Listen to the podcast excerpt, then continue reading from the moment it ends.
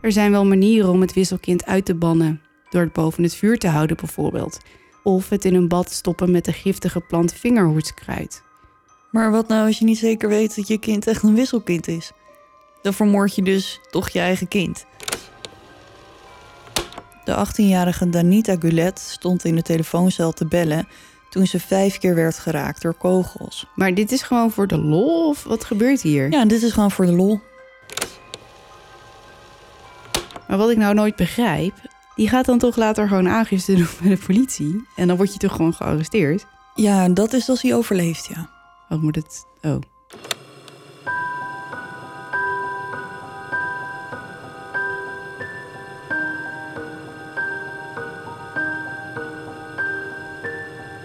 Dit is Duister. Een podcast waarin je wordt meegenomen naar het onbekende, het onbegrijpelijke. Zwarte bladzijden van de geschiedenis komen voorbij. Hier hoor je de verhalen achter moord, doodslag en onverklaarbare gebeurtenissen. We kruipen in de hoofden van een serie moordenaars, heksen, mythische wezens. Luister. En huiver naar duister. Hallo, lieve duisteraars. Hallo, welkom bij de nieuwe aflevering. Aflevering 32, Ted zegt ook eh, hallo. ja, als je een heel eh, vurig gesabbel hoort, dan is dat de baby en niet iets anders. Ja, die op de speen aan het zuigen Ja, is. ja, ja, ja, ja. even voor de duidelijkheid. Voor de goede orde. Goed jongens, het is eh, 23 december. Ja, bijna kerst. Het is bijna kerst. Onze lievelingstijd.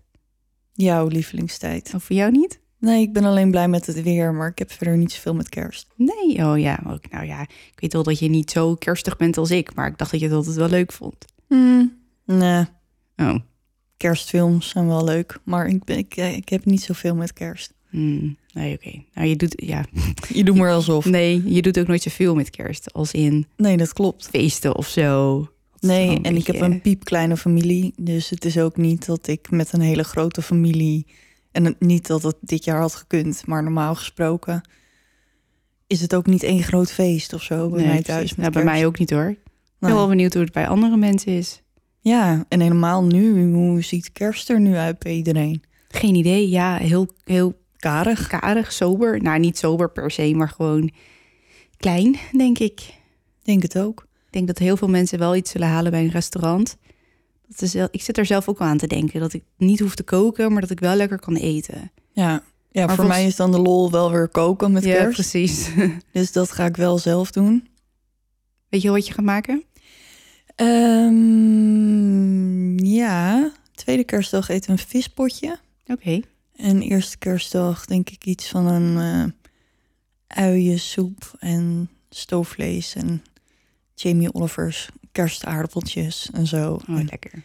dat soort dingen. Maar jij weet het dus nog niet. Nee, ik heb een... eh, Dat was dat. Nee, ik heb een man die heel graag eh, kookt. Dus ik denk dat hij vast wel één avond wil koken. En die andere avond zien we wel voor wat halen. Of, eh, en anders Uber Drive McDonald's of zo. Geen idee, ik zie het wel. Oh. Goed jongens, kerst. Ik hoop dat jullie allemaal een hele fijne kerst hebben. eh, ondanks dat het anders is dan andere jaren.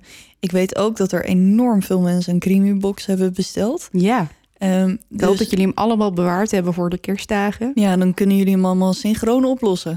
ja, ik ben heel benieuwd of iedereen het eh, allemaal voor elkaar krijgt binnen de kerstdagen. Maar eh, veel plezier en veel succes. ja, zeker. Ehm, dan heb ik nog ander nieuws. Oh, Ja, ik had twee weken geleden, drie weken geleden inmiddels, ehm CrimeCon thuis. dat is ook zo. Dat was een alternatief voor het eh, echte evenement. En mijn favoriete meneer was er, de ontsnapman Oh, van de duct tape test. mhm. Ehm, en ik heb nieuwe trucjes geleerd. oh spannend. Ja, dus ehm, misschien kunnen we dat wel eh, uitproberen. Oh ja, als, dat gaan we wel eh, even doen van de week. als mensen dat leuk vinden om, om dat te zien. Om ons nogmaals uit de duct tape te zien ontsnappen. Kijken of het me dit keer wel lukt. Ja, nu die buik weg is. Ja, precies. Dus, Pas niet. maar deze is ook... Ik heb nu ook ehm voettrucjes. Oh, Spannend. als het om je voet zit en zo. Ja, ik ben heel benieuwd. Ja, en ik heb ook eh, geleerd ehm, over nekklemmen en zo. En bloedspatten. Nekklemmen als in iemand vermoorden met een nekklem. Dus niet met een apparaat om je nek. Was heel interessant. Was Hmm. jammer dat ik, ehm, dat ik er niet in het echt was. Maar Nou, over twee jaar toch? over twee jaar goed. Allee. Ik had al een jaar gewacht. Dus die twee jaar die kunnen er ook nog wel bij. Ah, ja, joh. Laten we maar gewoon gaan beginnen. Ja, laten we het doen. Jij begint vandaag. Ik begin vandaag. Heb jij een teaser? Ik zat vanmiddag te denken dat we die teaser echt al afleveringen lang zijn vergeten. Ehm, heb ik een teaser? Even denken hoor. Had ik natuurlijk weer niet over nagedacht. Nee. ik heb echt geen idee. Nou goed, dan ga ik gewoon beginnen en dan zien we vanzelf wel waar jij mee komt.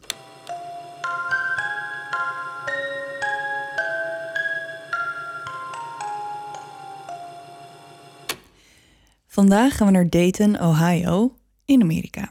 Oh, Ja, staat er ook een Dayton, Ohio in Europa dan? weet ik niet, maar ik dacht ik zeg het voor de zekerheid even. je weet het niet. Nee. Voor hetzelfde geld eh, bestaat er ergens anders. Of dat je niet Ohio zegt, maar dat het dan nog een Dayton in een andere Ja, dat klinkt staat is. wel Dat kan ook nog. more likely. Maar Ja, maar je weet het niet. Ik eh nou, noem fijn het dat we dat even hebben opgehelderd. Precies. Het is december 1992 en de straten zijn versierd met lichtjes en kerstdecoraties.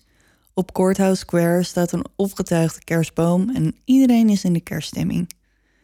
De 20-jarige, en hier moest ik, ik denk dat dit de juiste uitspraak is, maar neem het me niet kwalijk als het niet zo is, maar ik denk dat hij Marvelous heet.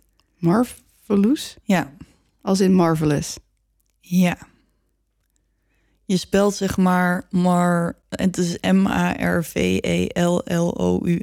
Net zoals op zijn Brits. Marvelous. Ja, dat, maar volgens mij heet hij dus Marvelous. Oké. Of Marvelous, geen idee. Marvelous. Maar je noemt hem Marv vanaf nu? Nee, ik, hou, ik heb wel de volledige naam iedere keer. Maar dat komt ook omdat er een naam komt die erop lijkt. Oh. Dus, Marvelous Keen en ehm, zijn 16-jarige vriendin Laura Taylor zijn onafscheidelijk. Al sinds de avond dat ze elkaar leerden kennen, twee weken daarvoor.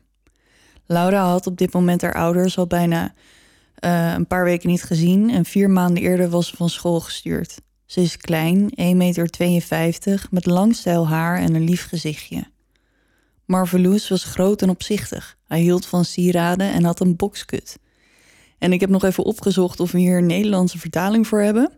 Eh, maar dat hebben we niet. Wat is een boxcut? Nou, het is dus zo'n soort van vierkant kapsel. Dus dat het aan de Oh, bovenkant zeg maar langer eh, is. En aan de, de, de Fresh. Prince of Bel-Air eh, kapsel. Zo'n kapsel. Dus ja. aan de bovenkant lang en aan de zijkanten opgeschoren... zodat het Mhm. lijkt alsof je een soort van doos ehm, bovenop je hoofd hebt. Oké. Of zo. Maar dat dus. Dus misschien kan je dan een beetje voorstellen hoe dat er dan uitziet. Het is twee dagen voor kerst en ze zitten samen in een hotel, maar hun geld begint op te raken en eigenlijk vervelen ze zich een beetje.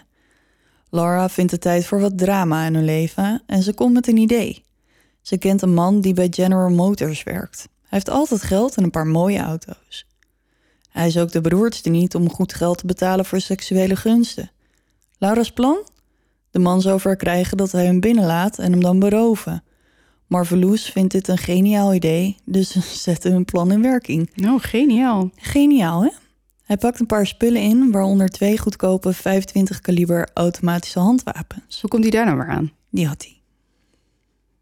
Zo makkelijk hè, om in Amerika aan wapens te komen. Ja, dat verbaast me iedere keer opnieuw. Ja, Maar- mij ook. En dan ook gewoon twee. En niet één om jezelf te beschermen, nee, twee. Ja, ik weet het. Ik, eh, ik moet denken aan die keer dat ik ergens eh, in het westen, in Arizona of zo, in een Walmart liep. En dat ze daar gewoon... In de supermarkt wapens te kopen Ja, maar echt. Ze zitten dan wel beveiligd achter een glazen wand en zo. En, maar je kan ze daar gewoon naast de zakken brood gewoon kopen. Ja, Bizar. Oh. Nou, we gaan lekker. Ja, maar goed, op de avond van 23 december is het bitter koud. Het is min 6 graden als het stel het hotel verlaat voor een missie. Ik kan dus echt alleen maar dromen van zulke temperaturen. Min Dat zes, lijkt me ja, echt heerlijk. heerlijk. Ik moest vanochtend krabben. Ik was helemaal blij. Ja, Ik kwam met de buurvrouw tegelijkertijd naar buiten en die zat echt hoi. En ik dacht, hey, ik mag krabben. maar goed, ze hebben geen auto tot hun beschikking, dus ze lopen de twee kilometer naar het huis van Bill. En Bill is een oudere man die een soort van drugshol heeft in zijn huis. Bill's huis was een soort van ontmoetingsplaats voor de groep die zichzelf de Downtown Posse noemde. hmm, Ja, gevaarlijk. echt wel. Na een avond drinken verzamelden ze zich daar vaak om gezellig met z'n allen drugs te gebruiken. De possie bestaat uit negen tieners en jongvolwassenen. Ze hebben allemaal een andere achtergrond, maar ze hebben een aantal dingen gemeen. Ze zijn allemaal rebels, ze hebben niet echt een goede band met hun ouders en vooral, ze doen alles voor een kick. Als ze bij Bill zijn, belt Laura hun toekomstige slachtoffer op en belooft hem een orgie. Bij Bill is ook de 20-jarige Heather Nicole Matthews en ze halen haar over om mee te gaan naar de orgie. Heather heeft net 18 maanden in de gevangenis gezeten en is nu net weer vrij. Ze ziet het wel zitten en samen lopen ze de vijf kilometer naar het huis van, en ik durf het bijna niet te zeggen, Joseph W. Wilkerson. Ja, ja, daar is hij weer. Daar is hij weer. Vorige keer hadden we er ook al een. Mhm. Daar aangekomen drinken ze wat en Joseph en Laura verdwijnen naar de slaapkamer. Marvelous en Heather wachten even en volgen de twee dan de slaapkamer in. Joseph begint zijn kleding uit te trekken en Laura en Heather volgen zijn voorbeeld. Alleen doen zij alsof. Marvelous doet alsof hij zijn broek uittrekt, maar trekt hem dan weer op en haalt zijn wapen tevoorschijn. Hij zegt tegen Joseph dat hij op bed moet gaan liggen en beveelt Laura en Heather dan de handen van Joseph vast te binden aan het bed. Als Joseph vastgebonden is, blijft Marvelous achter in de slaapkamer, terwijl Heather en Laura het huis doorzoeken naar spullen die ze kunnen stelen. Ze vinden een magnetron, een tv, een draadloze telefoon, een krultang en een föhn. En ze verzamelen hun buit en laden alles in de rode Buick van Joseph, zijn auto. Nou, nou, wat een buit. Ja, een magnetron. Maar wat ik nou nooit begrijp, als je dit nou doet en die man die blijft gewoon leven, die, eh, die je overvalt, Mhm. die gaat dan toch later gewoon aangifte doen bij de politie en dan word je toch gewoon gearresteerd. Ja, dat is als hij overleeft, ja. Oh, moet het? Oh, Mhm. ja. Joseph vertelt Marvelous dat hij in de garage een 32 kaliber Derringer, ik denk dat het Derringer is. Ehm, dat is een klein handwapen. Echt een heel klein pistooltje. Ik heb een foto opgezocht. Marvelous gaat zoeken en als hij hem gevonden heeft, gaat hij terug naar de slaapkamer waar hij Joseph in zijn borst schiet met het wapen. Hij gebruikt de lakens van het bed om het geluid te dempen. Laura en Heather horen het schot en gaan terug naar de slaapkamer, waar ze Marvelous vinden met het wapen in zijn hand. De voeten van Joseph bibberen. Marvelous geeft het wapen aan Laura, die de trekker overhaalt, maar er gebeurt niks. Het wapen wil niet vuren. Marvelous geeft haar zijn eigen wapen en Laura schiet Joseph in zijn hoofd en de bibberen houdt op. Op de ochtend van kerstavond sluit de 17-jarige de Marcus Marie Smith zich bij het groepje aan en hij is de vriend, de vriend van Heather, de vriend. op zijn Amerikaans. Op zijn Amerikaans. De Marcus is ook al zo'n lekker figuur. Hij wordt door de politie gezocht voor overtreding van zijn proeftijd. Maar goed, ze zijn nu dus met z'n vieren. Ze stelen de rode Buick van Joseph die Laura en Heather eerder hebben volgeladen met een buit en ze rijden terug naar het huis van Bill. Het is zeven uur s morgens als ze bij het huis van Bill aankomen en ze slapen tot ergens in de middag. Later die avond wil Laura een trick beroven. En ik had even moeite met het woord te vertalen, maar met de hulp van het Urban Dictionary kwam ik erachter dat dit slang is voor de klant van een sekswerker. Oh, oké. Ik kende wel John, zo worden klanten vaak genoemd, Mhm. maar trick had ik nog nooit van gehoord. Maar Ik ben eerlijk gezegd niet heel erg thuis in de urban. dictionary slang? nee. Nee, ik ook niet. Maar goed, een, een klant dus. Ja, ja. Marvelous en DeMarcus rijden haar naar Main Street waar ze een slachtoffer vindt en ze stapt in zijn auto. Als ze wegrijden volgen Marvelous en DeMarcus hen in de gestolen Buick. Als de auto ergens stilstaat, stapt Marvelous uit de Buick en schiet door het achterraam van de auto, terwijl Laura ook gewoon nog in die auto zit. De man schrikt zich een ongeluk en rijdt zo snel als hij kan naar de parkeerplaats van een politiebureau.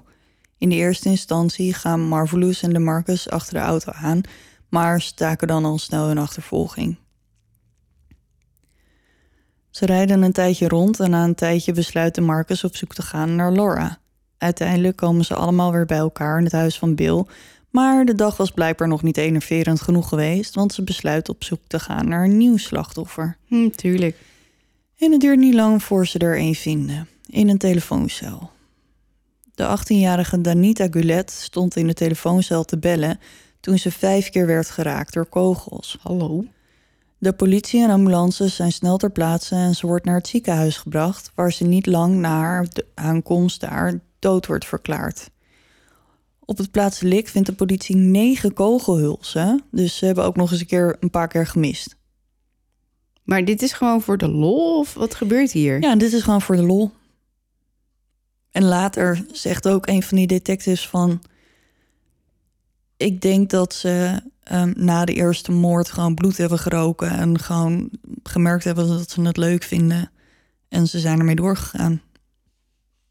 Wat bizar, joh. Ja, ze wilden een drama in hun leven. Nou, dat is gelukt. Ja. Er lijken een paar dingen te ontbreken aan het lichaam van Danita. Het lijkt erop dat ze haar schoenen, jas en tas uh, kwijt is. Deze keer zijn er getuigen en die vertellen de politie dat ze twee zwarte mannen naar een lange rode auto zagen rennen die vervolgens wegreed. Detective Wade Lawson zei over de moord, en dit is een quote: We hadden geen idee waarom dit meisje dood werd geschoten of waarom ze zo vaak beschoten werd. Als je dit werk doet, kijk je soms naar een plaats delict en dan heb je wel een idee wat het waarom van de moord is. Maar in een zaak zoals deze is er geen waarom. Er was gewoon geen reden. Einde quote. De politie verzamelt de hulsen. Het blijken kaliber 25 blazerkogels te zijn. Blazerkogels waren niet echt bijzonder. Ze werden wel uh, vrij veel gebruikt. Het zijn goedkope hulzen en de hulzen konden niet opnieuw gebruikt worden door ze te vullen met poeder en kogel. De meeste mensen gebruikten het om te oefenen met schieten en niet om mee te moorden. Hm. We gaan weer even terug naar onze possie in het huis van Bill. Bill was er niet, maar het grootste gedeelte van de possie wel. Deze keer waren de 16-jarige Wendy Cottrell en haar 18-jarige vriend Marvin Washington ook aanwezig. Dus dat is de volgende Marv. Ja, ja. Heather was er ook, die aan het afkoelen was na een ruzie met haar ex-vriend, de 28-jarige Jeffrey Wright. Die was blijkbaar ook in het huis, maar was na de ruzie uh, de deur uitgelopen. Iedereen is aan het chillen als Marvelous, de Marcus en Laura binnenkomen. En Laura heeft de tas en de kleding van Danita in haar handen en roept opgewonden uit: We hebben haar neergeschoten. We hebben haar neergeschoten. De Marcus en Laura doorzoeken de tas en vinden 50 cent. 50 cent, jongens. Danita is gewoon vermoord voor 50 cent. Ja, ik zit hier jou aan te kijken. Ja. Maar het, uh, 50 cent. nou, De Marcus trekt haar schoenen aan en ze blijken te passen. En, maar hij houdt ze maar gelijk aan. hm, natuurlijk. De Marcus heeft ondertussen nog steeds het wapen dat Marvelous hem heeft gegeven... en Laura heeft het wapen dat ze van Joseph hebben gestolen. Rond half twaalf s avonds kwam Jeffrey Wright, de ex van Heather, terug naar het huis. Hij sleept haar aan haar haren mee naar de slaapkamer. De Marcus ziet het gebeuren en gaat achter ze aan. Er ontstaat een ruzie tussen de twee mannen en de Marcus jaagt Jeffrey het huis uit. Als Jeffrey door het open veld achter het huis van Bill rent, richt de Marcus zijn wapen op hem en haalt de trekker over. Jeffrey is vier keer in zijn benen geraakt en sleept zichzelf naar het huis van de buren voor hulp. En blijkbaar hebben ze hem naar het politiebureau gebracht in plaats van dat ze gewoon een ambulance hebben gebeld. Maar als hij daar is, wordt hij opgehaald met een ambulance. Hij overleeft de aanval wel. En ondertussen denkt Laura aan haar ex, Richmond Maddox. En Richmond heeft geld en een auto. Oké, eerste kerstdag. Om tien voor negen s'avonds komt er een telefoontje binnen bij 911. Er is een ongeluk gebeurd. De politie wordt op het incident afgestuurd en als ze daar aankomen zien ze een jonge zwarte man die onderuitgezakt op de vloer van de auto lag. De politie zag op het eerste gezicht niets verdachts. Het lijkt een eenzijdig ongeluk tussen een auto en een boom. Er blijkt echter wel meer aan de hand. In het Good Samaritan Hospital vinden ze een kogel in de schedel van de man. De man is de 19-jarige Richmond Maddox. Ja, ja, de ex van Heather. Mm, Laura. Oh, sorry. Ja, ze hebben allemaal exen. Ja. Ja. Oh ja, Mar- Marv was de ex van Nee, Heather. de, de, Marv is de vriend van Heather. En Jeffrey is de ex. de ex. De ex van. Oh ja, sorry. hem. En um, Marvelous is de vriend van Laura. En, en Richmond. Richmond is de ex van Laura. Ik heb hem. Oké. De politie doet buurtonderzoek en vindt een getuige. Een man, John Scroggins, zegt dat hij naar buiten liep toen hij de klap hoorde. Hij was in zijn huis en hij heeft dus die klap gehoord. Hij vertelt de agenten dat hij twee zwarte mannen naast de auto zag staan. Een lange en een kleine man. De lange man zei tegen de kleine man: Hij heeft je auto vernield. John riep naar de mannen dat hij de politie had gebeld en toen ze dat hoorden liepen ze kampjes weg. De mannen waren Marvelous en de Marcus. Heather pikte ze verderop op met de gestolen Buick. Op dit moment legt de politie nog geen verband met de moord op Danita, want er zijn twee verschillende wapens gebruikt en er is maar één keer geschoten. Dat Joseph dood in zijn huis ligt, dat weten ze nog niet eens. Hoe lang ligt hij daar al dan? Een dag nu, denk ik. Cool leren. Ja. De Marcus, Heather en Marvelous pikken Laura op bij een winkelcentrum in de buurt. Laura was gefrustreerd en opgewonden. Ze probeerde haar Derringer weer te laten werken, maar ja, er zat iets vast. Dus haar wapen was gewoon vast Geblokkeerd of zo. geblokkeerd. Ja, dat woord zocht ik. Marvelous zegt tegen haar dat ze moet kalmeren, zodat ze kan vertellen wat er gebeurd is. Ik heb hem in zijn hoofd geschoten. Ik heb hem neergeschoten, is wat Laura zegt. Het is wel ehm, trots op haar daden, hè? Mhm. Laura had Richmond uit het huis van zijn ouders gelokt met de belofte dat ze met z'n tweeën naar een hotel zouden gaan. Laura en Richmond reden richting een hotel en op een gegeven moment valt het Richmond op dat ze gevolgd worden. In de auto achter hen zaten de Marcus, Marvelous en Heather. Laura zegt tegen hem dat hij zich geen zorgen hoeft te maken. Het zijn gewoon haar neven en nicht die hun volgen om te zorgen dat ze veilig in het hotel aankomt. Aha. Mhm. Richmond vertrouwt het niet. Hij stopt ergens, een minuutje maar, en ramt dan zijn voet op het gaspedaal. Op dat moment slaat Laura toe. Ze zet haar wapen tegen de zijkant van Richmond's hoofd en haalt de trekker over. Ze gooit de deur van de auto open en springt eruit, vlak voordat de auto de boom raakte. Jezus, Mina. Wat is dat voor actiefilm? Ja, echt. Ik weet het niet. Dit meisje is 16, hè? maar uit een rijdende auto springen, dat doe je niet zomaar even, hè? Nee, maar het was of dat of zelf ook tegen die boom aan. Wow. Ja. Maar blijkbaar vonden ze één slachtoffer wel genoeg. Dus ze gaan eh, verder met tweede kerstdag. Natuurlijk. Niet genoeg bedoel je? Nee, het was voor eerste kerstdag wel genoeg. Oh, oké. Dus we gaan nu naar tweede kerstdag. Ja. Na de schietpartij op Jeffrey werd het de possie een beetje heet onder de voeten in het huis van Bill. Dus ze verplaatsen zich naar het huis van Sandra Pinson, de moeder van een ander lid van de possie, de 16-jarige Dion. En de tante van weer een ander lid, de 17-jarige Nicholas Woodson. Dus Sarah is de moeder van Dion en de tante van Nick. ja, ja. Veel geld heeft de possie nog niet buitgemaakt, ondanks de slachtoffers die er gevallen zijn. Dus ze gaan op zoek naar een manier om snel geld te krijgen. Ze stappen in twee auto's en gaan op weg. Ergens tussen 1 en 2 uur 's middags scheiden de wegen van de auto's zich. In de Buick zitten Laura, Heather, eh, Marvelous en DeMarcus. En zij besluiten om naar een bank te rijden om daar proberen te kijken of ze iemand kunnen beroven die de pinautomaat gebruikt. Ze staan de tijd te wachten op de parkeerplaats tot er eindelijk iemand het apparaat komt gebruiken.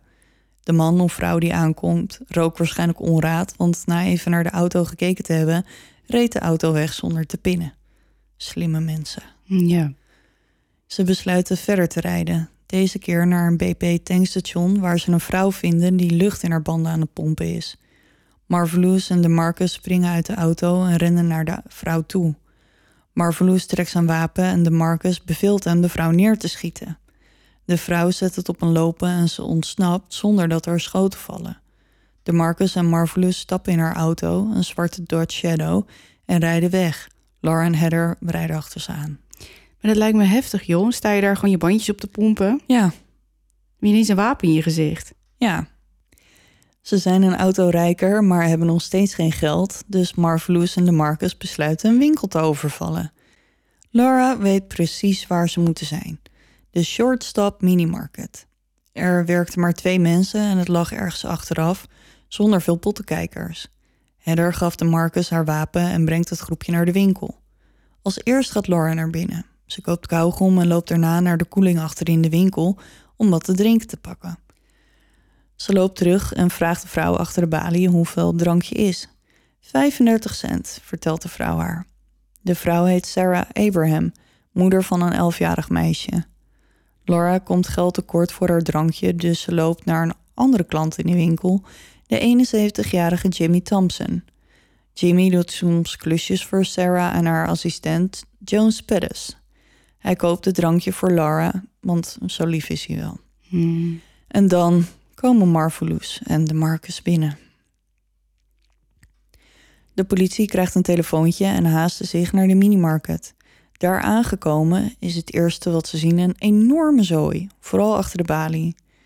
Daar ligt Sarah met twee kogelgaten in haar lijf.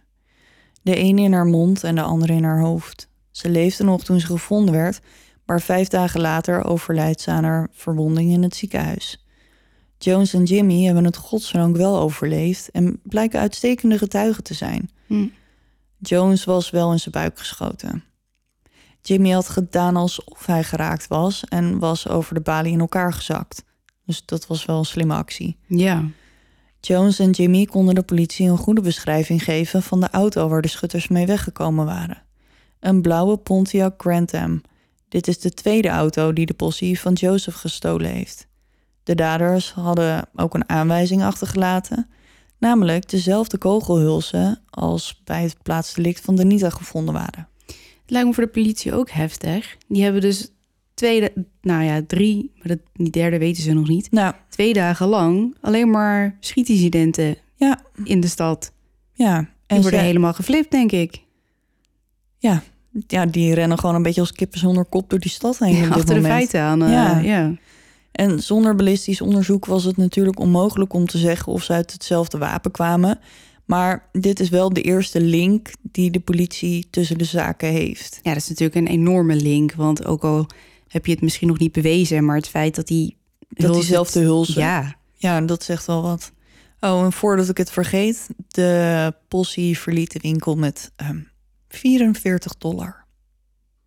Echt de jackpot. nou. Iedereen is weer terug in het huis van Sarah en Marvelous en de Marcus beginnen bang te worden. Ze beginnen zich te realiseren dat er inmiddels wel erg veel mensen op de hoogte zijn van een killing spree. Marvelous en de Marcus verplaatsen de blauwe Grand Am. Ze zetten hem een straat verderop en halen de kentekenplaten van de auto en verwisselen ze met die van de Dodge Shadow die ze bij het tankstation hebben gestolen in de hoop de politie te slim af te zijn. Dat is op zich nog best snugger. Ja, Beetje en- lomp om dat te zeggen, maar Ja, en die Grand Am is natuurlijk van Joseph, dus niemand weet nog dat die gestolen is. Het enige is wel dat de vrouw van wie die Dodge is, die Ja, heeft die natuurlijk wel natuurlijk- aangifte gedaan. ja. Dus die auto die staat nu als gestolen, geregistreerd bij de politie. Ja, maar als je op zoek bent naar wat was haar auto ook weer? Een zwarte Dodge Shadow. Ja, als je op zoek bent naar een zwarte Dodge met die kentekenplaten Ja. en die vind je niet. Ja, Ik kan me voorstellen dat je er overheen kijkt. ja, zeker. Maar in ieder geval, dat is ja, die, die Grand Am is wel gewoon de beste optie, zeg maar, voor nu, Ja. omdat niemand weet dat hij gestolen is. De Marcus is er nog steeds niet gerust op. Hij maakt zich vooral zorgen om Wendy en Marvin. Hij was ervan overtuigd dat Marvin naar de politie was gegaan om te verklaren dat de Marcus op Jeffrey had geschoten bij het huis van Bill. Vijf van de leden van de groep, Marvelous, de Marcus, Laura, Heather en Nick Woodson, stappen in de auto en rijden naar het huis van Bill. Daar vinden ze Wendy en Marvin en ze nodigen ze uit om een rondje te rijden en wat te drinken. Marvelous zit achter het stuur en Nick zit achter hem. In het midden zit Wendy, zit Wendy op de schoot van Marvin en Laura zit aan de andere kant. En Marcus zit, de Marcus zit naast Marvelous op de passagiersstoel. Met z'n allen rijden ze naar een drankwinkel drive-thru. Dat kan je ook niet voorstellen dat je dat hier hebt. Een drankwinkel drive-thru. Nee. En als ze een drank gekocht hebben, gaan de drankjes rond in de auto. Marvelous vindt dit een goed moment om een bezoekje te brengen aan het graf van zijn broer en hij rijdt ze naar de begraafplaats. Als ze onderweg zijn, krijgt Nick ineens het gevoel dat er iets ergs gaat gebeuren en hij vraagt of ze hem naar huis willen brengen. En Nick die heeft dus op dit moment. Geen idee. Nee, hij weet het wel, maar hij heeft zelf nergens aan meegedaan. Oh ja, dat is ook zo. Marvelous zet hem af en de rest gaat weer op weg. Als hij ziet dat het hek van de plaatselijke grindopslag open staat, draait hij het terrein af en op, bedoel ik, niet eraf, en zet de auto af. Marvelous en de Marcus stappen uit de auto en nemen nog een paar slokken van hun drinken. En Marvelous beveelt Wendy om uit de auto te stappen. De Marcus beveelt Marvin hetzelfde en ze trekken hun wapen. Wendy probeerde nog om ze van gedachten te veranderen, want we hebben jullie niet verraden, zei ze. We zijn geen snitches. Wendy wordt in haar mond en in haar hoofd geschoten. Ze was zwanger van Marvin's baby. Jezus. Wist hij dat? Dat weet ik niet. Dat is wel heel koelbloedig als hij dat had geweten. Ja, Nou ja, niet dat dit eh, niet eh, koelbloedig is, maar een zwangere vrouw. nu- oh, Jezus. ja, ja. En Marvin werd meerdere keren geraakt in zijn zij en in zijn hoofd. En beide overleden ze ter plekke. Het politieonderzoek draait op volle toeren en er komen veel tips binnen. Detective Grossnickel. Hoe? Grossnickel. Oké. dat is een aparte naam, maar... Ja, maar het is ook een dubbel S. Dus ik dacht eerst dat die Grossnickel heette. Maar ik denk dat het Grossnickel is. Oké. Laten we het daar maar op houden. Ja. Maar goed, die zit dus eh, op een bureau als er een telefoontje naar hem wordt doorgeschakeld met een tip.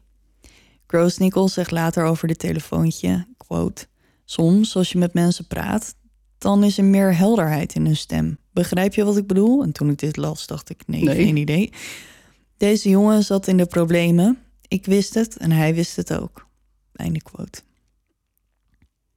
Detective Grossnickel vraagt de beller wat hij voor hem in de aanbieding heeft. De stem aan de telefoon is die van Nick Moetsen.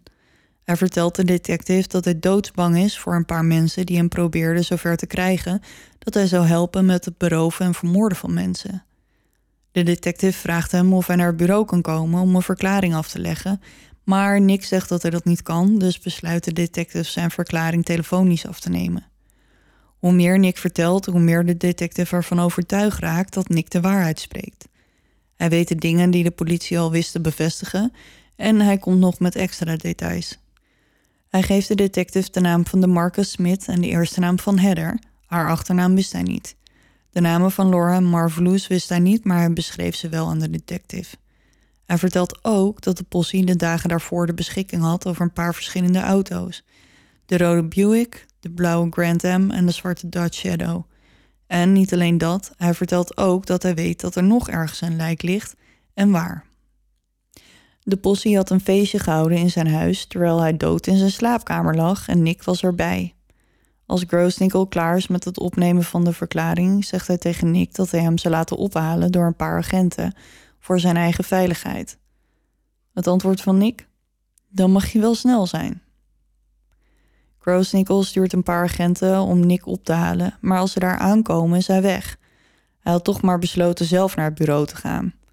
De agenten raken aan de praat met een buurvrouw van Nick en zij vertelt ze dat ze Nick had gezien voordat hij wegging. Hij had haar verteld dat hij bang was dat er een paar moordenaars onderweg waren om hem te vermoorden, hoogstwaarschijnlijk in een zwarte Dutch Shadow.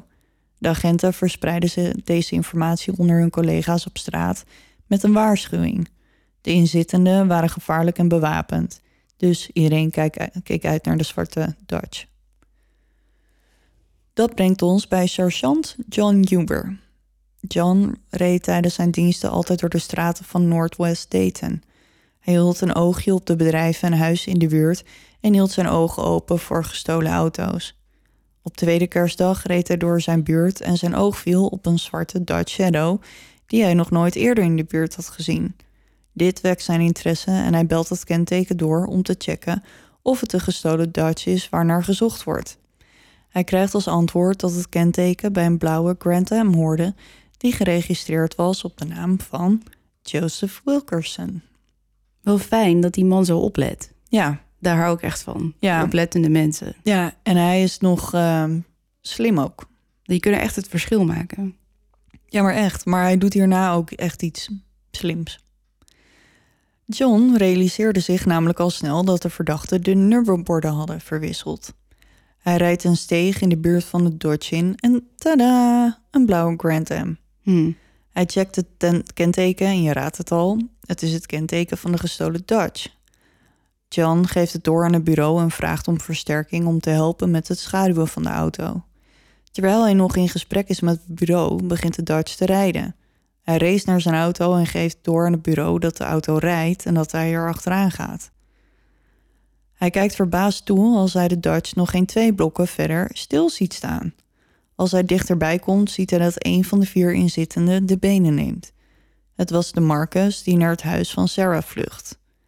John laat hem gaan en richt zijn aandacht op de overige drie inzittenden. Mhm. Want je hebt er natuurlijk liever drie dan één. Ja.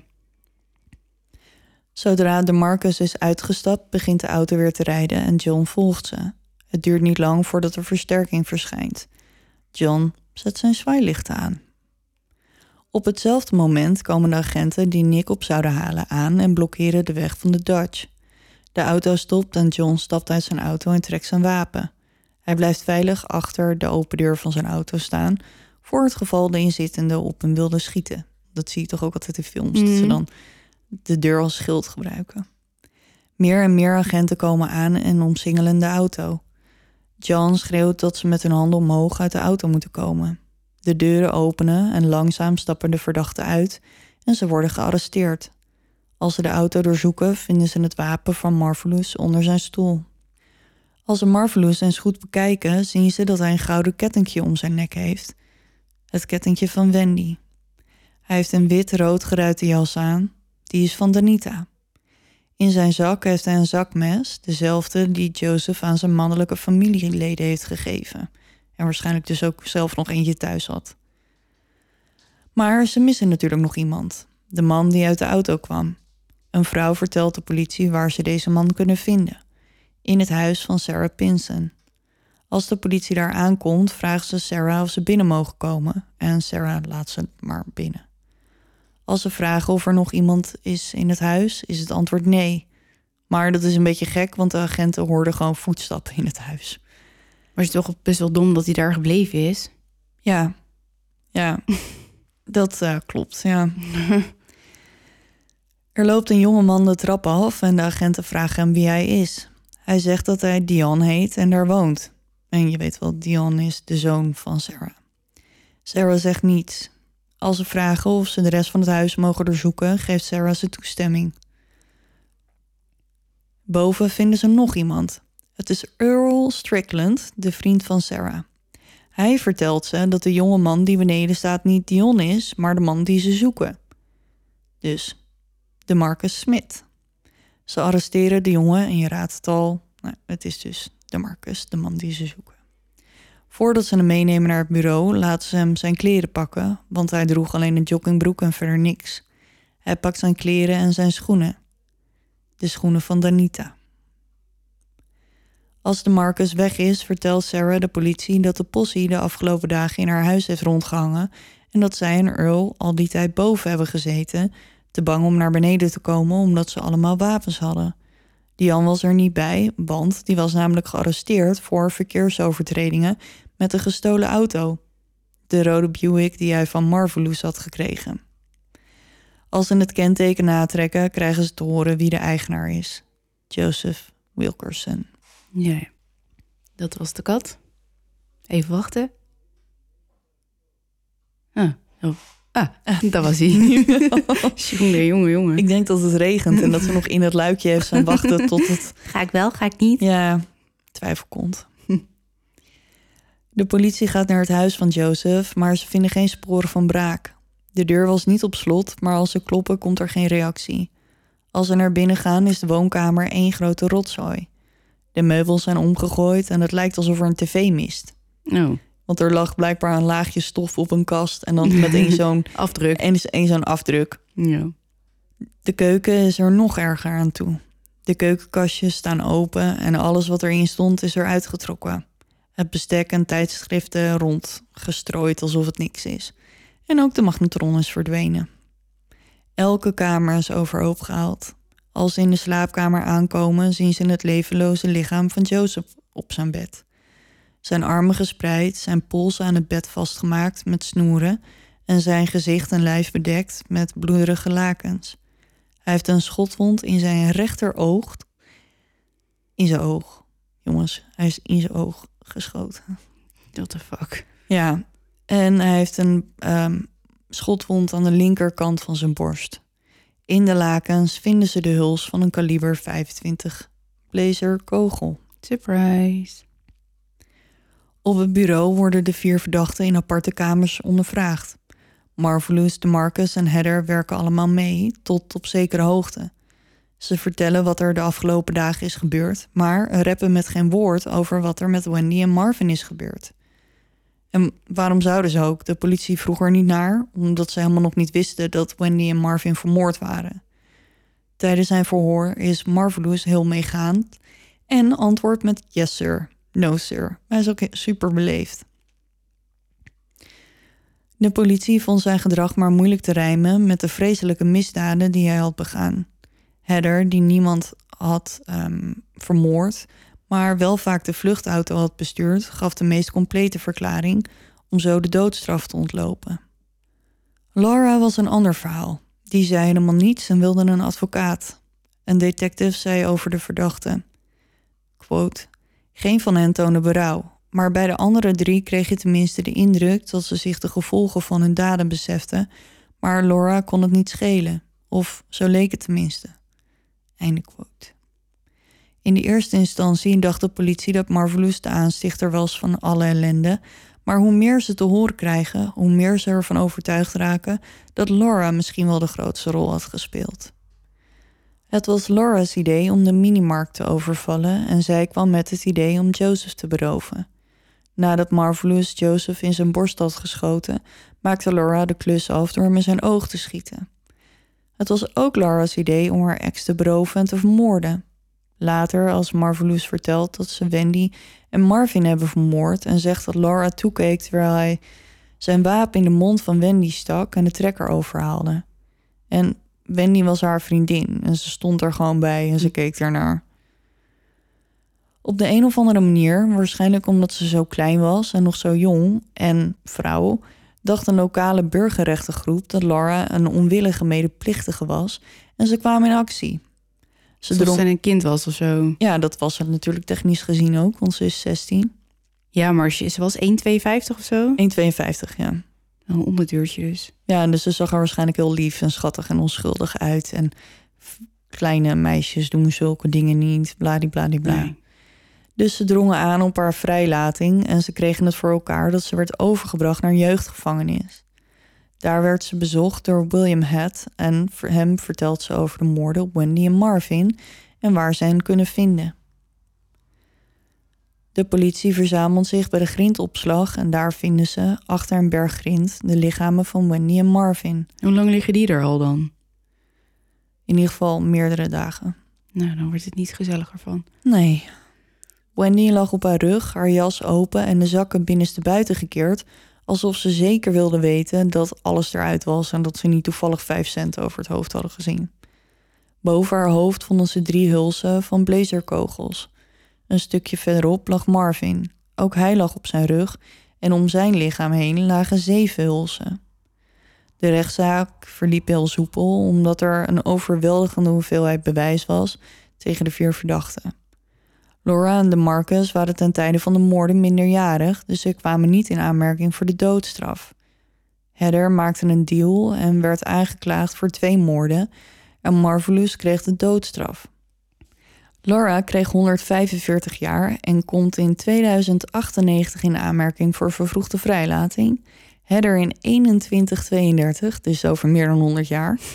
De Marcus in 2132.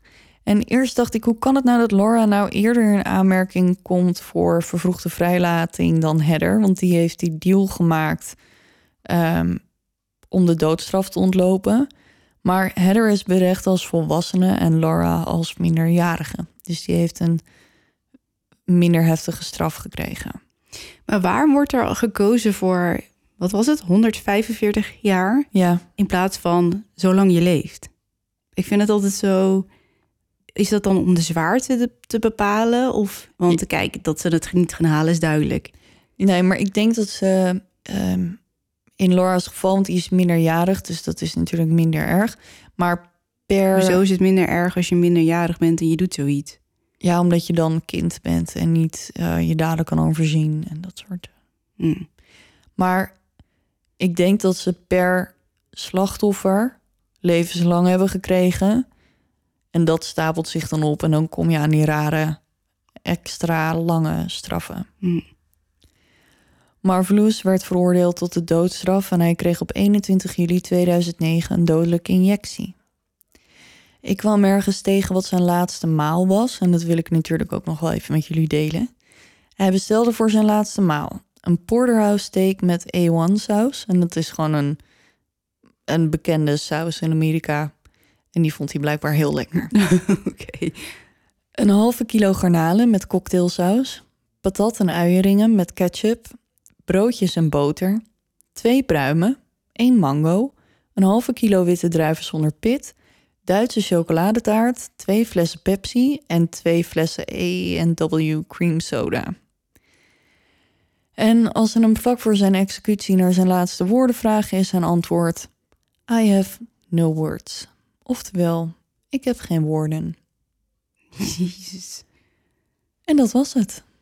Wat moet er dan door zo'n man zijn hoofd gaan, hè? Ik heb geen idee. Ik wil het niet weten ook, maar... Nee. Nee, en als Heather die deal niet had gemaakt, dan was zij dus ook eh, geëxecuteerd. En volgens mij was eh Marvelous ook de duizendste persoon die in Ohio ehm, geëxecuteerd werd. Oké. Nou, heb je dat ook nog even meegepikt? Ja, Ja, bizar. Ik wil ook niet weten wat er, eh, wat er door je hoofd moet gaan als, je, als jij diegene bent. Maar dan heb je de- die daden gepleegd en dan zou je dan beseffen van dit heb ik verdiend of, of zou je het er niet mee eens zijn? nou ja, volgens ik die, verdien dit juist niet. Volgens die agent leken ze in ieder geval geen berouw te tonen voor wat ze gedaan hadden. En Laura wilde gewoon drama in haar leven. Nou ja, dat is dan wel gelukt. Maar wat ik dus niet snap, die Heather, die heeft dus die deal gemaakt om de doodstraf te ontlopen. Maar dan denk ik, als je nou, ze was 18. Als je nou de rest van je leven met een beetje pech zit je 70 jaar in de gevangenis. Ik denk dat ik dan zou zeggen, nou jongens, laat me er maar gaan. Ja? Ja. Nee, ik niet, denk ik. Zou jij dan 70 jaar in de gevangenis zitten? Ja, ik heb op de een of andere manier heel erg een, eh, een eh, ik wil blijven leven gevoel of zo. Ja, ik tijd. ook. Maar ik eh, ben geen misdadiger die 70 jaar, 80 jaar in de gevangenis moet zitten. Nee, ik ook niet, natuurlijk. maar ehm, ja, ik heb altijd het idee, misschien is dat helemaal onterecht hoor, dat het leven in een gevangenis altijd nog wel een soort van doen, doe, doenbaar is. Doebaar is. Hoe zeg je dat? Heb je wel eens van die documentaires gekeken over Ja. hoe het er aan toe gaat in Amerikaanse gevangenissen? Ja, ik heb Louis Theroux gekeken. Die heeft allemaal, eh, die heeft een soort van serie gemaakt over het leven in Amerikaanse gevangenissen. Mhm.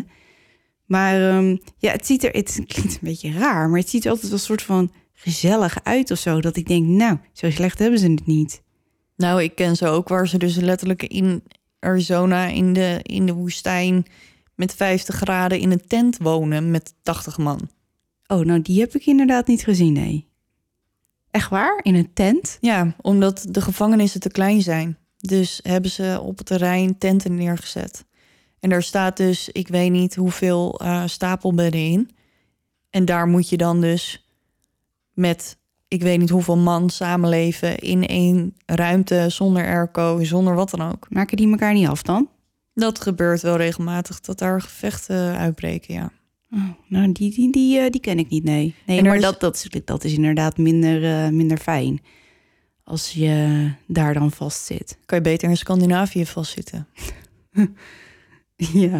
Ja, en er is ook zo'n ehm, gevangenis waar alle gevangenen rols moeten dragen.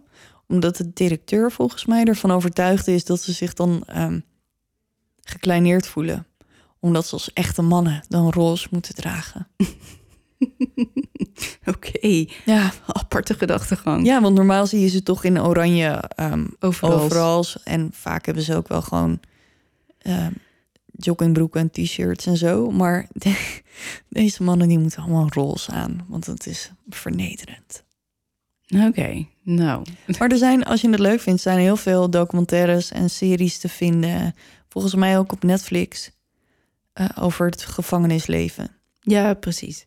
Dus als ik dat bekijk met die. Kijk, in Nederland is het een ander verhaal nog, denk ik. Maar als ik in Amerika in zo'n gevangenis terecht zou komen, dan denk ik, nou, weet je, Laat maar. laat maar. Nou, ehm, Ga jij beginnen? ik ga beginnen.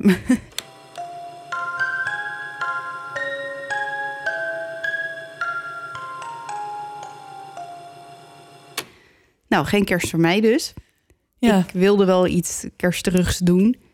Maar ehm, omdat er de laatste tijd nogal wat podcasts uit de grond zijn eh, geplopt. het was herfst, hè? Dan komen ze net als paddenstoelen uit de grond. Ja, plop. Dus ik was bang dat iedereen met hetzelfde verhaal zou komen. En het lijkt mij echt super vervelend als je in vier eh, podcasts hetzelfde verhaal hoort. Dus Ja. ik heb een hele andere richting gekozen. Oké, oké. Ik ga vandaag een beetje de sprookjeskant uit. Oh, Ja, eh, mijn lievelingssprookje is De Kleine Zeemermin. Eh, een sprookje dat in het originele verhaal behoorlijk tragischer is dan in de Disney-versie. mhm. Wat is jouw lievelingssprookje? ik heb geen idee. Wat is dit nou? Je hebt geen idee. Nee. Ah, er is er toch wel één die je kent en die je leuk vindt.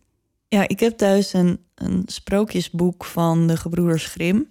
En daar staan al die sprookjes in. En eigenlijk, maar ik heb echt al honderd jaar geen sprookjes gelezen. Ik kijk geen Disney-films.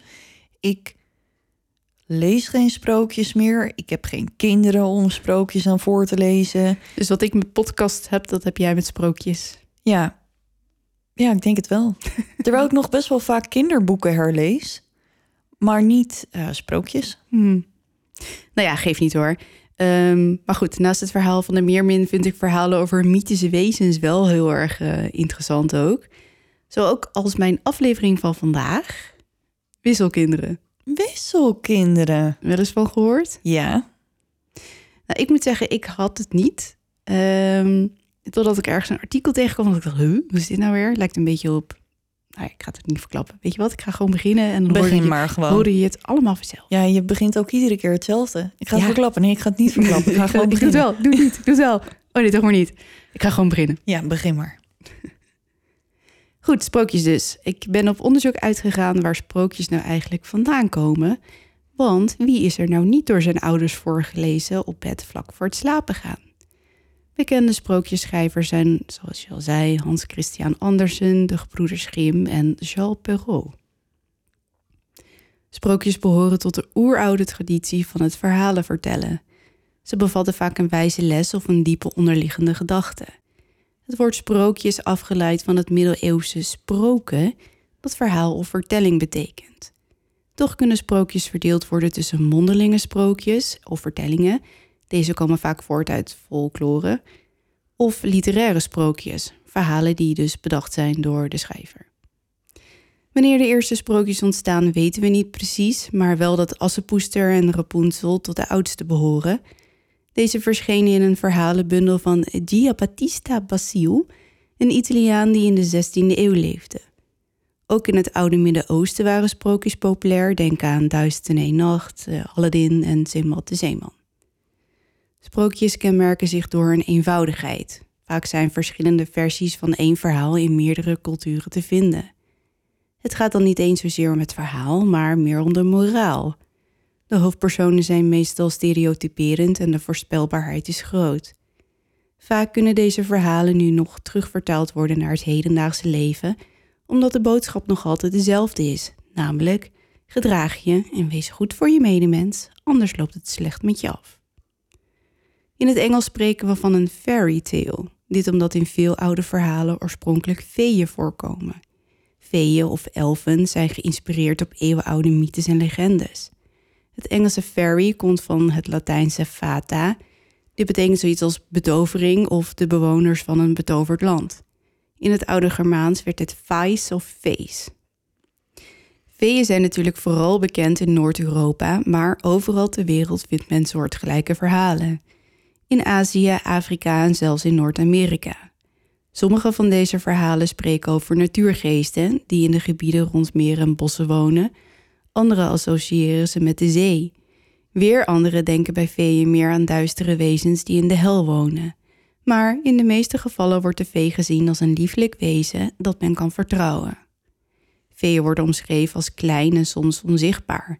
Ze zijn meestal van het vrouwelijk geslacht, hebben een grote schoonheid, zijn goedaardig en behulpzaam. Ze hebben speelse karakters en magische krachten. Ze kunnen vliegen, wensen vervullen, van vorm veranderen en de toekomst beïnvloeden. Een gevaar vormen ze meestal niet, maar ze zijn zeker in staat om hun krachten te gebruiken wanneer zij zelf in gevaar zijn. Ze wonen vaak in afgelegen, moeilijk bereikbare plekken. Men moet vaak door een soort portaal om een veerrijk te kunnen betreden. En soms bevinden deze rijken zich zelfs in andere dimensies waar tijd anders werkt dan op aarde. Een jaar in een feeënrijk kan zo een leven lang op aarde zijn. Zoals ik eerder al zei, in Noord-Europa was en is nog steeds het geloof in deze magische wezen het sterkst. Vooral in Ierland en Schotland. Feeën spelen een prominente en zeer belangrijke rol in de Schotse folklore. Elke waterval, meer of poel heeft een magische naam en een oude vee die het beschermt. Ze zijn ook belangrijk bij rituelen en worden verondersteld verantwoordelijk te zijn voor de mislukkingen en ongeluk, zoals falende oogsten of wanneer iemand ze heeft geschonden of van streek heeft gemaakt. Veeën zijn gevoelige wezens. Laat de vee nooit horen dat je ze veeën noemt, ze worden liever schoon volk genoemd. Wees altijd eerlijk tegen een vee, want ze zullen het weten of er tegen ze gelogen is. En het is niet verrassend dat ze daar niet vriendelijk tegenover staan. Ze worden niet voor niets als de balans tussen goed en kwaad gezien. Tot slot, het dragen van de kleur groen is ook niet aan te raden, aangezien veeën dit als een kleur zien die bij hen hoort. Oké, dus iedereen op St. Patrick's Day is verdoemd. Ja, uh, ik, ik wilde meer zeggen, denk Tinkerbell, maar... ja, maar nee, maar ik zat in één keer St. Patrick's Day, dan ja. gaat echt iedereen ja, dat is in het groen. stom eigenlijk, maar waar, dat heeft meer met de klavertje 4 of zoiets te maken. Ja, en dat is dan weer de Ierse uh, nationale bloem of zo. nou, we zijn lekker op de hoogte. Ja, geen groen dus. uit. Ja. nou goed, die veeën klinken dus als een lieflijk volkje, maar er zijn ook minder goedaardige varianten. Sommige pestenboeren laten expres de oogst mislukken of het vee sterven, of stelen mensenkinderen en verwisselen die met een veeënkind. Zulke kinderen worden ook wel wisselkinderen genoemd. Veeën geloven dat als ze iets nemen, er iets voor in de plaats moet komen, in dit geval dus een van hun eigen soortgenoten. In eerste instantie heeft de moeder niets van de wissel door, maar na een tijd zal ze ander gedrag bij haar kind waarnemen. Een kind dat eerst lief en rustig is, kan zo op de een op andere dag vervelend en huilerig zijn. Ze worden ziek en willen niet meer eten. De moeder zal doorkrijgen dat ze niet langer voor haar eigen kindje zorgt, maar voor een wisseling. Er zijn wel manieren om het wisselkind uit te bannen, door het boven het vuur te houden bijvoorbeeld, totdat het niet langer tegen de hitte kan. Of het in een bad stoppen met de giftige plant vingerhoedskruid. Als dat niet werkt, dan wordt er een mengsel gebrouwen van het kruid en moet het kind het drinken, soms met de dood tot gevolg. Maar wat nou als je niet zeker weet dat je kind echt een wisselkind is? Dan vermoord je dus toch je eigen kind. Ja, die kans zit erin. Maar ik ben nog niet klaar. Oh, oké. Een andere manier is om het kind te dwingen toe te geven dat het een wisselkind is. Dit gebeurt door het kind drie keer te vragen hoe het heet. Geeft het kind geen antwoord, dan weet men zeker dat het een wissel is. Daarna zal het worden verbannen en verboden om ooit nog terug te komen. Houden de ouders te veel van het kind, dan is de veeëndokter nog een optie. Een getraind man of vrouw die in contact staat met het veerrijk en die door middel van kruiden de wissel ongedaan kan maken. Overigens heeft, hier, heeft men hier maar negen dagen de tijd voor, anders zal de wissel blijvend zijn. En dit moet je even onthouden, dit is belangrijk. Maar goed, even terug te komen op wat je net zei. Dan dood je dus je eigen kind. De andere optie is dus drie keer te vragen hoe het heet. Mhm. Maar als je een baby hebt, die praat niet. Uh, nee, dan zul je het uh, vuurproef moeten doen of uh, wat er nu komt. Ouders van een wisselkind zijn namelijk niet verplicht om ervoor te zorgen. Een andere optie is om het kind bij middernacht naar het bos te brengen en achter te laten bij een veeënheuvel, een plek vaak aan de voet van een holle boom waar veeën wonen.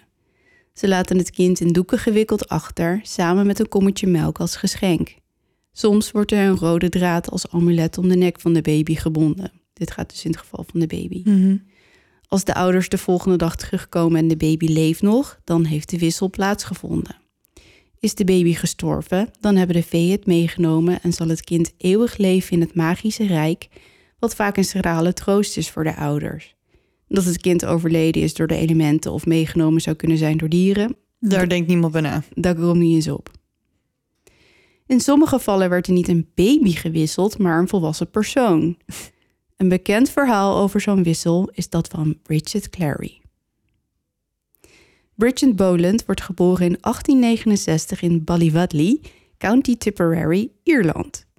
Niet veel is bekend over haar jeugd, maar ze groeit op op het platteland tot een redelijk zelfstandige vrouw. Als ze begin twintig is, ontmoet Bridget Michael Clary in Clonmel, een dorpje verderop, waar hij werkt als kuiper. Dat is een vaatmaker. Oké. Dus zo'n ton, zeg maar, Ja, met zo'n ijzeren boog eromheen. Ja, van die houten latjes die Ja. dan in een ton Ja, precies. gemaakt worden. Ehm, goed, hij werkt dus in de plaatselijke zuivelfabriek en zij dient als leerling naaister. Bridget trouwt met Michael in augustus 1887. Na het huwelijk keert ze terug naar haar ouders, terwijl Michael blijft werken in Clonmel. Tijdens deze periode van apart wonen groeit Bridget's onafhankelijkheid, waarbij ze haar eigen kippen houdt en ze de eieren aan de buren verkoopt. Die onafhankelijkheid is enigszins ongebruikelijk voor het tijdperk, maar Bridget wil graag wat bereiken in het leven. Ze neemt haar werk behoorlijk serieus en ze spaart zich rot om een Singer-naaimachine te kunnen kopen. Een duur ding, maar het zal haar helpen om nog professioneler te worden. Michael is negen jaar ouder dan Bridget en verdient een behoorlijk salaris. Maar toch is Bridget trots op haar aandeel in hun financiën. Het stel is in alle opzichten welvarender dan hun buren en door haar extra inkomen kunnen ze haar vader ondersteunen waarbij het stel na de dood van haar moeder ondertussen is ingetrokken. Bridget houdt van mode en mooie spullen en door haar eigen inkomen en ervaring als naaister is ze in staat om dure stoffen te kopen op de markt en deze om te toveren tot prachtige jurken. Iets wat haar af en toe scheve gezichten oplevert van haar buren, maar daar trekt Bridget zich niets van aan. Ze is een moderne vrouw, ze mag doen wat ze wil. Helemaal mee eens, Bridget. Go for it. Michael is het daar toch iets minder mee eens. Hij vindt de Bridget die hij trouwde leuker. Toen was ze nog niet zo onafhankelijk en verdiende ze nog niet haar eigen geld. Het ergert hem dat er geruchten rondgaan dat zijn vrouw meer verdient dan hij en dat ze er steeds meer bij loopt als een hoerenmadam in plaats van als een naaister. Ze lijkt steeds meer een leven te gaan leiden zonder hem en het gevoel dat ze hem niet meer nodig heeft maakt gevoelens in hem los waar hij liever niet over na wil denken. En dan het vermoeden dat ze vreemd gaat met die idioot van een William Simpson. Michael veracht hem, maar Bridget blijft volhouden dat er niets tussen hen speelt. Ook het feit dat er maar geen kinderen komen kan hij bijna niet verkroppen. Michael begint bijna aan zijn kwaliteit als man te twijfelen, maar ergens is hij ervan overtuigd dat het allemaal niet aan hem ligt. Tuurlijk niet. Nou ja, dat weten we dus niet. Het zou kunnen, maar het zou ook niet kunnen. Mm, maar de gedachte alleen al is natuurlijk een beetje arrogant. ja, maar dat is het. Als je ervan overtuigd bent, denk er dan in ieder geval even over na. Op 4 maart 1895 loopt Bridget met haar mandje vol eieren naar de neef van haar vader, Jack Dunn. Jack woont een eindje verderop en is al wat ouder. Lopen gaat moeizaam met Jack. Zijn ene been is langer dan dat andere. Na een foutief herstelde botbreuk en Bridget vindt het niet erg om naar hem toe te gaan met haar eieren, in plaats van dat Jack het hele eind naar haar moet hinken. Het huisje van Jack is gebouwd op een eeuwenoud ringfort. Ringforten zijn de oude funderingen van kleiner nederzettingen uit de ijzertijd. Ze bestaan uit opgehoogde lage aarde en bevatten aan de buitenkant een greppel. Dit om de inwoners van zo'n nederzetting te beschermen tegen zwaar weer of rovers. In de 19e eeuw weet men echter nog niet dat dit overblijfselen zijn uit de oudheid, maar gelooft men dat ringforten gemaakt zijn door mythische wezens zoals kobolden en feeën, En ze worden ook wel elfenringen genoemd. Bij het huisje van Jack aangekomen is Bridget enigszins verbaasd dat er niemand thuis lijkt te zijn. En zelfs na een aantal keer kloppen op de deur en zijn naam roepen, komt er geen reactie.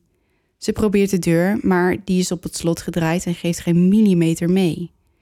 Een tijdje zit ze besluitloos voor de deur met haar mandje op schoot, maar niets lijkt erop te wijzen dat Jack snel terug zou komen. En na een tijdje staat Bridget op, klopt haar rok af en begint aan haar wandeling naar huis. Ze is nog geen drie minuten onderweg als de wind ineens aantrekt. Haar rok wappert om haar benen heen en met in haar ene hand haar mandje probeert ze met haar andere hand haar hoedje tegen te houden. In de verte klinkt onweer en nog geen tel later vallen de eerste regendruppels. Tijdens die korte wandeling naar huis raakt Bridget van top tot teen doorweekt. Thuis zet ze haar mandje naast de deur, trekt haar natte, plakkende kleren uit, zet de ketel op het vuur en warmt haar handen aan de haard. Die nacht voelt Bridget zich niet lekker. Ze heeft spierpijn over haar hele lijf en koude rillingen. Een paar keer moet ze naar de gootsteen rennen omdat ze denkt dat ze moet overgeven, maar telkens komt er niks. De volgende ochtend wordt ze wakker met koorts. Tegenwoordig valt koorts goed te behandelen met paracetamol, maar in de tijd dat Bridget leefde kon koorts best gevaarlijk zijn. Helemaal als men ziek werd nadat er een magische plek bezocht was. In Bridget's geval dus de Elvering. De Elvering. Michael maakt zich grote zorgen om zijn Bridget, die in de loop van de dag lijkt te verslechteren. Ze wil niet eten, haar temperatuur loopt hoog op en ze baat in het zweet. Ze lijkt Michael en haar vader niet echt te herkennen en is verward. Bridget's vader besluit een test uit te voeren. Hij wil zeker weten dat de toestand van zijn dochter niet veroorzaakt is door een veeaanval. Hij houdt een ijzeren beker bij haar gezicht, maar op dat moment begint Bridget te kreunen en draait ze zich weg. Ook klekt ze langer dan ze eerst was, alsof ze gedurende de nacht een aantal centimeters is gegroeid. Bridget's vader begint te vermoeden dat dit niet zomaar een griepje is en dat zijn arme Bridget wel eens verwisseld zou kunnen zijn. Maar twijfel maakt zich van de meester en met spoed stuurt hij Michael op weg om de dokter te halen. Dr. Crane is echter een dronken lap en pas na meerdere keren smeken komt hij na een week eindelijk langs. Oh, een week. Ja, Goh. en, ja een week. Lekker op tijd. Nee. Maar goed, hij onderzoekt Bridget. Ondertussen is het hele dorp op de hoogte van het vermoeden van Bridget's wissel. En dat die wissel nu in het huisje woont bij Michael en haar vader. Mensen dragen spijkers bij zich om zichzelf te beschermen tegen eventuele veeënaanvallen. En omdat de meeste mensen nog nooit een echte wissel hebben gezien, wil iedereen een glimp opvangen van de zieke Bridget. Dr. Crane vindt het echter allemaal grote onzin en diagnosticeert haar met bronchitis. Michael maakt zich nu ernstige zorgen. Er is al een week voorbij en dat betekent dat hij nog maar twee dagen heeft voordat Bridget's wissel levend zal zijn. Bridget's toestand verslechtert steeds meer en Michael is de wanhoop nabij. Hij besluit een veeëndokter op te zoeken en daarom hulp te vragen. Van Denise Gainey, de dokter die in een hutje op de berg woont, krijgt hij een drankje mee dat hij zijn vrouw een aantal keer per dag zou moeten toedienen. Vol vertrouwen geeft Michael zijn Bridget het drankje, maar in plaats van op te knappen, lijkt ze nu de strijd die ze aan het leveren is te verliezen. De momenten dat Bridget nog bij kennis is, worden spaarzaam. Dan krijgt Michael een idee. Jack Dunn, degene die Bridget eieren zou brengen, weet veel van veeën. Hij woont zelfs op de plek vlakbij een veeënrijk en hij heeft veel tijd gehad om ze te bestuderen. Op de achtste dag bezoekt hij Michael, maar hij komt ook met slecht nieuws.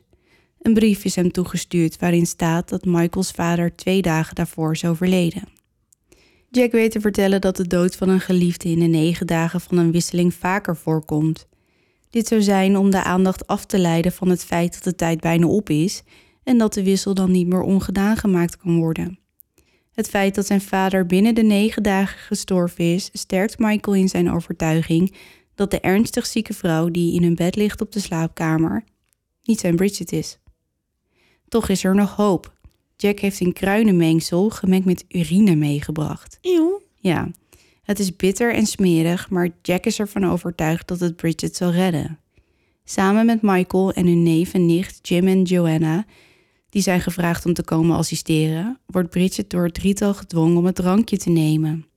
Ze protesteert, want het smaakt vies en door haar verwardheid begint de arme Bridget wild om zich heen te slaan. Nicht Joanna staat hulpeloos toe te kijken. Jack en Jim houden haar tegen het bed gedrukt en Michael, compleet geschokt door zijn hysterische vrouw, forceert het drankje door haar mond, schreeuwend dat de wissel haar moet verlaten. Ga weg van haar, ga weg! In de naam van God, ga weg van haar! In zijn overtuiging dat dit wezen dat onder hem ligt te spartelen niet zijn vrouw is, stelt hij haar drie keer de vraag. Uit naam van God, is jouw naam Bridget Bonnet Clary? En je weet het, als de persoon niet toegeeft, Dan is het een wissel. dan is het een wissel. Bridget, te overstuur om überhaupt te praten, faalt drie keer om antwoord te geven op de vraag van haar man. Het enige wat ze uit kan brengen is een slappe: "Oh, laat me met rust. Totaal verslagen verlaat Michael de kamer. Het is de achtste dag en bijna middernacht. Hij is de hoop totaal verloren. Dan krijgt hij een idee. Vee is een bang voor vuur. Hij zal die vervloekte wissel uit haar branden als het moet. Jack stookt het vuur in de haard op en samen tillen ze Bridget naar de woonkamer. Daar houden ze haar minutenlang boven het vuur, tot haar onderbenen verschroeid zijn en zwart worden van de roet. In de naam van God, ben jij Bridget Bonnet Clary, de vrouw van Michael Clary? Keer op keer die vraag. Geen goed antwoord. Na een tijd geven ze het op en leggen ze de toegetakelde Bridget terug in bed.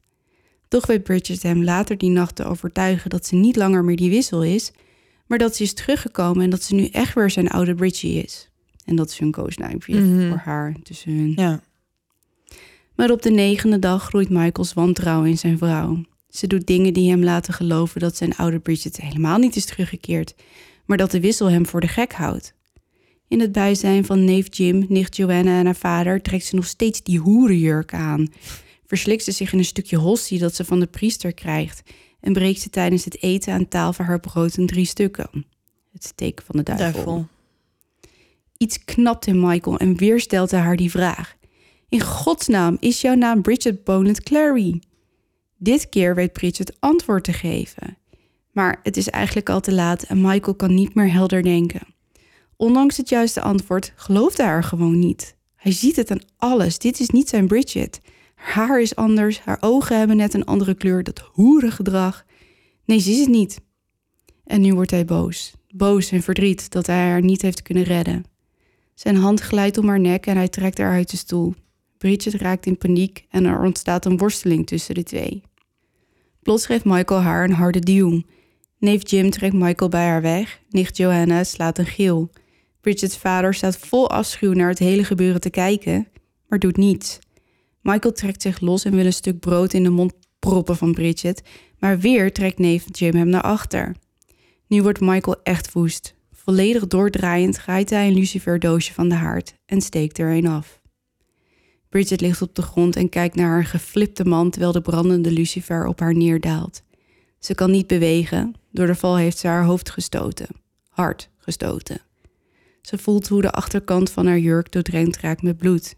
Ze voelt hoe haar rokken vlam vatten, hoe de vlammen zich gretig een weg naar boven likken. Ze ruikt de geur van verbranding. Ze voelt de hitte, eerst nog verschrikkelijke pijn en daarna niets meer. Bridget Boland Clary sterft op zaterdag 16 maart 1895 op 28-jarige leeftijd in het huis van haar ouders door de hand van haar echtgenoot. Michael Clary begraaft zijn vrouw op anderhalve kilometer van het huisje. De aanwezige getuigen van de moord, Jim, Johanna en Bridget's vader, worden door hem bedreigd. Zeg niets, want je zult rotten in de cel met mij. En dus houdt iedereen zijn mond. Bridget's vader zegt zelfs: Nu mijn dochter verbrand en dood is, valt er niets meer te zeggen. Er beginnen geruchten te circuleren dat Bridget vermist is en de politie gaat naar haar op zoek. Uiteindelijk op 22 maart, zes dagen na haar verdwijning, vinden ze haar in een ondiep graf. In de dagen ervoor worden mogelijke getuigen verhoord en het bewijsmateriaal verzameld. Iemand ziet Michael proberen om een van Bridget's oorbellen af te komen. Een ander ziet hem een verbrande jurk begraven. Op de dag van haar vondst wordt Michael gearresteerd voor de moord op zijn vrouw. De rechter vindt het echter geen moord, maar doodslag en veroordeelt Michael tot 20 jaar in gevangenschap. En waarom de rechter het nou geen moord vond, Omdat het niet met voorbedachte raden was. Eh, nou ja, maar je merkt natuurlijk al een tijdje dat Michael helemaal niet zo lekker gaat. Ja. En ehm, nou, misschien heb je ook wel gelijk. Ik kon het namelijk in geen enkele bron terugvinden waarom die straf dan eh, Doodslag. om- omgezet is in doodslag inderdaad. Maar Ja. ik denk dat je gelijk hebt. Ja, omdat het waarschijnlijk in een opwelling is gebeurd en niet gepland. Nee, precies. Michael spendeert zijn 15 jaar in de gevangenis en wordt op 28 april 1910 vrijgelaten, waarna hij naar Liverpool vertrekt. Enige tijd later emigreert hij naar Montreal, Canada. Michael blijft altijd geloven dat zijn Bridget op een dag op een wit paard uit de Elfenring zal komen rijden, geketend in elfenboeien, en dat hij haar dan zal redden en meenemen naar zijn huis, waar hij in zijn eigen Bridget nog lang zullen leven. De zaak wordt extreem bekend door heel Europa en zelfs Amerika. Kranten spreken over The Last Witch Burning of The Burning of the Clary Ferry. Door de eeuwen heen ontstaat er een rijmpje, waarschijnlijk om kinderen bang te maken of ze te laten inzien dat je je nooit anders moet voordoen dan wie je werkelijk bent. Very, very, are you the wife of Michael Clary? En dat was het. Ik dacht er kon nog meer, maar nee. Nee, maar wat ik nog wel wil zeggen, het sterke geloof in feeën en andere magische wezens kan ertoe zijn gaan leiden dat Michael last kreeg van het eh kapgras-syndroom. En dan denk je, het wat? Ja? Nou, komt ie.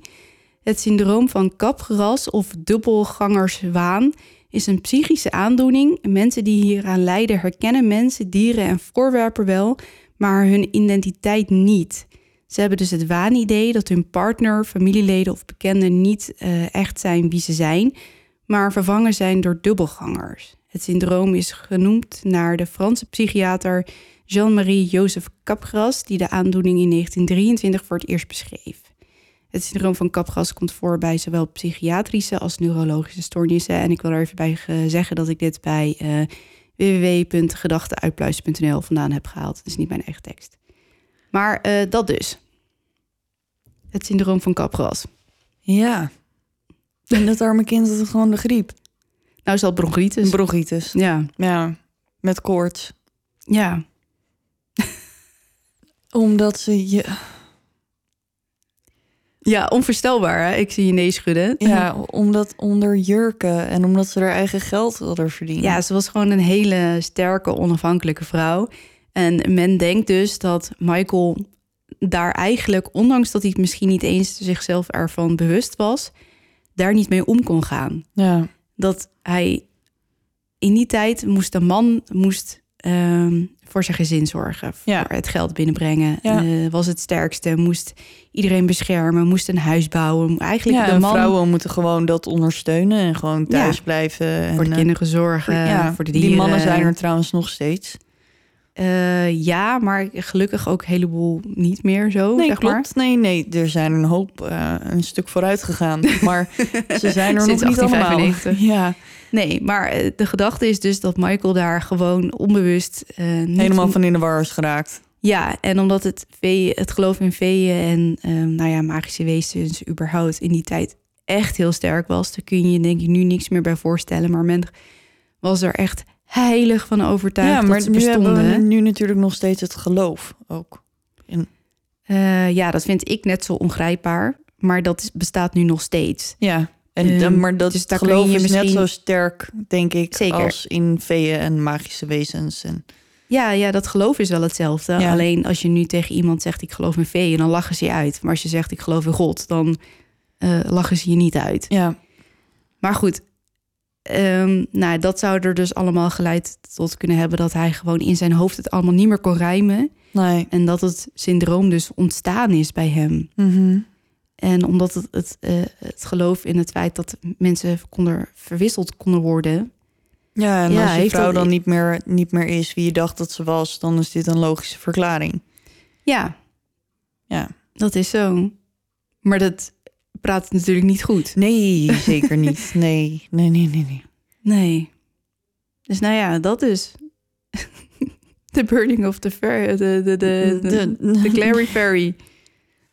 Ja, nou, dit was het voor vandaag. Ja, meer kan ik er niet van maken. Maar ik vond Nee, het maar het is laatste vond goed. ik wel interessant. Want ehm, er is een eh, moordzaak, misschien is dat wat voor jou... waarbij ditzelfde syndroom eh, eh, omhoog is komen zetten.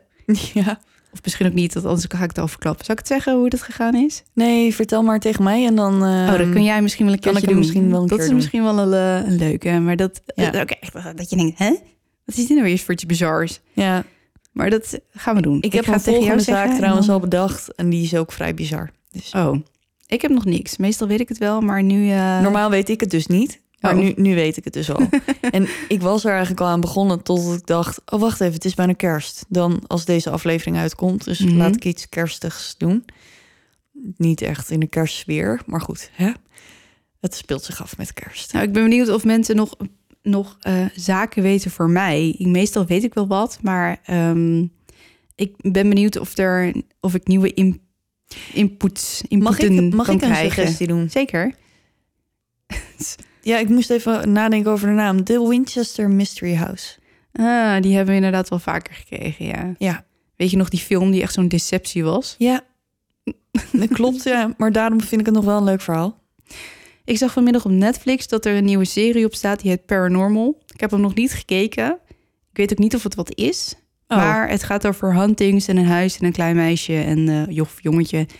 Eh, misschien is het wat. Laat het eh, mij in ieder geval even weten of ik het moet gaan kijken Ja. of niet. Oh, ehm, die is wel uit als wij eh, uitkomen. 16 december komt The Ripper uit Ja. Netflix. Daar heb ik erg veel zin in. Die Ik lijkt ook. me echt heel erg gaaf. Ja, jullie hebben hem al een paar keer getipt aan ons, maar hij Mhm. stond natuurlijk al lang op mijn lijstje. Ja. Dus ik eh, zit daarop te wachten. En over tips en zo gesproken, zal ik ze gelijk even in fietsen. Doe maar. De socials, jongens, voor wie het nu nog niet weet. Je kan ons vinden op Instagram, het Podcast. Op Twitter, voor als je met het spook wilt tweeten. Ja, dat is toch leuk. Ja, zeker. Doe dat. Mm, Ja, vindt hij heel leuk. Ja, Nee, vindt hij, serieus, nee, ja. vindt hij echt heel leuk. Ja, daarom. Daarom? Daarom. Dat is eh, het Duisterpot. Facebook, facebook.com slash duisterepodcast. YouTube kan je ons nog steeds niet zien, maar wel horen. Even zoeken op Duistere Podcast. De website, duisterepodcast.nl. Met, nou, we hebben hem vernieuwd, dat hebben we een tijdje geleden al gezegd. Ehm, maar het invulformulier is nu nog makkelijker te vinden. En hier vind je ook al onze foto's en bronnen die bij de afleveringen horen.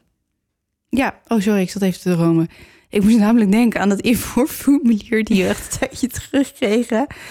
Over, eh, wat was het, violen en rood. Ja, ja, push je mouw, violen zijn rood. Een geit in mijn mouw. Nou, ik piste in mijn broek. Ik heb echt zo hard gelachen.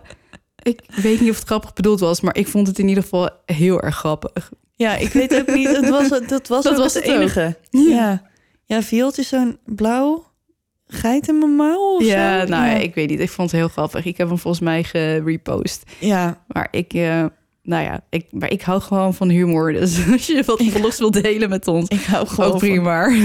Lijkt wel een dateprofiel. Oh, ik hou wel van humor. Ja, je hebt, weet je dat gezien vanmiddag? Je hebt een huwelijksaanzoek gekregen. Ja, ik hè? heb er al twee. Ja. Ja, Ja, dit wil je toch? ja, zeker. Ik ben bloemenmeisje. Oké. Ik kan heel goed namelijk gooien met bloemen. Misschien eh, laat ik de baby wel mijn bloemenmeisje zijn. Wat denk je daarvan? Eh, ja, maar dan kom je nu nog niet heel ver. Hè? Dan moet je minimaal nog een jaar of tweeënhalf wachten. Ja, maar goed, hè, je moet ook nog daten en zo. En ehm, De grote dat soort dingen. En dan moet je nog... En dan ga je daten en dan vraagt iemand je ten huwelijk. En dan zeg je ja of nee. En als je ja zegt, dan ben je nog verloofd een tijdje. Dus Moet je het helemaal gaan plannen. Ja. Oh, nou, vooruit. Goed. Ik zit te denken of we verder nog iets kwijt moeten. Maar volgens mij... ehm, nee, Nee, we hebben een relatief rustige aflevering vandaag. Is ook wel eens fijn. ja. Nou, bij deze willen we iedereen een Ho, ho, ho, hele wacht even. fijne kerst wensen. Ja, ook, dat mag. Oh, Maar ik bedenk me net in één keer dat dit gewoon de laatste aflevering is van, het, van dit jaar. We Ja. komen in het nieuwe jaar pas weer terug. dat heb je goed gezien. Oké, dus ik wil iedereen een hele fijne kerst wensen. En een gelukkig nieuwjaar. en gezond. Geen corona meer. Nee, De gepijpzeik zijn we dan wel een beetje klaar mee. ja, het heeft wel lang genoeg geduurd. Maar goed, ik denk dat we nog wel even te gaan hebben. Maar in ieder geval, iedereen... ehm, ja, ik hoop dat jullie allemaal een leuk oud en nieuw hebben. We hebben, Dat het aan ook. we hebben het aan de voorkant over kerst gehad. Maar ik realiseer me nu pas dat, dat oud Ja. en nieuw gaan we niet meer eh, meemaken. Nee, Met- we zijn met op deze aflevering. 6 januari weer terug. Ja. En, en dan hebben we weer een hele leuke actie. Ja, Dus eh, blijf zeker eh, luisteren. We gaan er nog niet zoveel... We gaan er eigenlijk gewoon niks over verklappen. Eigenlijk Nee. dat is mijn ding, niks verklappen. ja. Maar eh, je hoort het de zesde. Dus, Weten we dat al zeker of komt het echt ergens in januari? nee, dat komt echt die aflevering. Oké. Nee, dan is het goed. Dan maken we ze niet blij met een dode mus. Dood met een blije mus. dat zeg ik altijd. Nou goed, nogmaals, jongens, geniet van je feestdagen.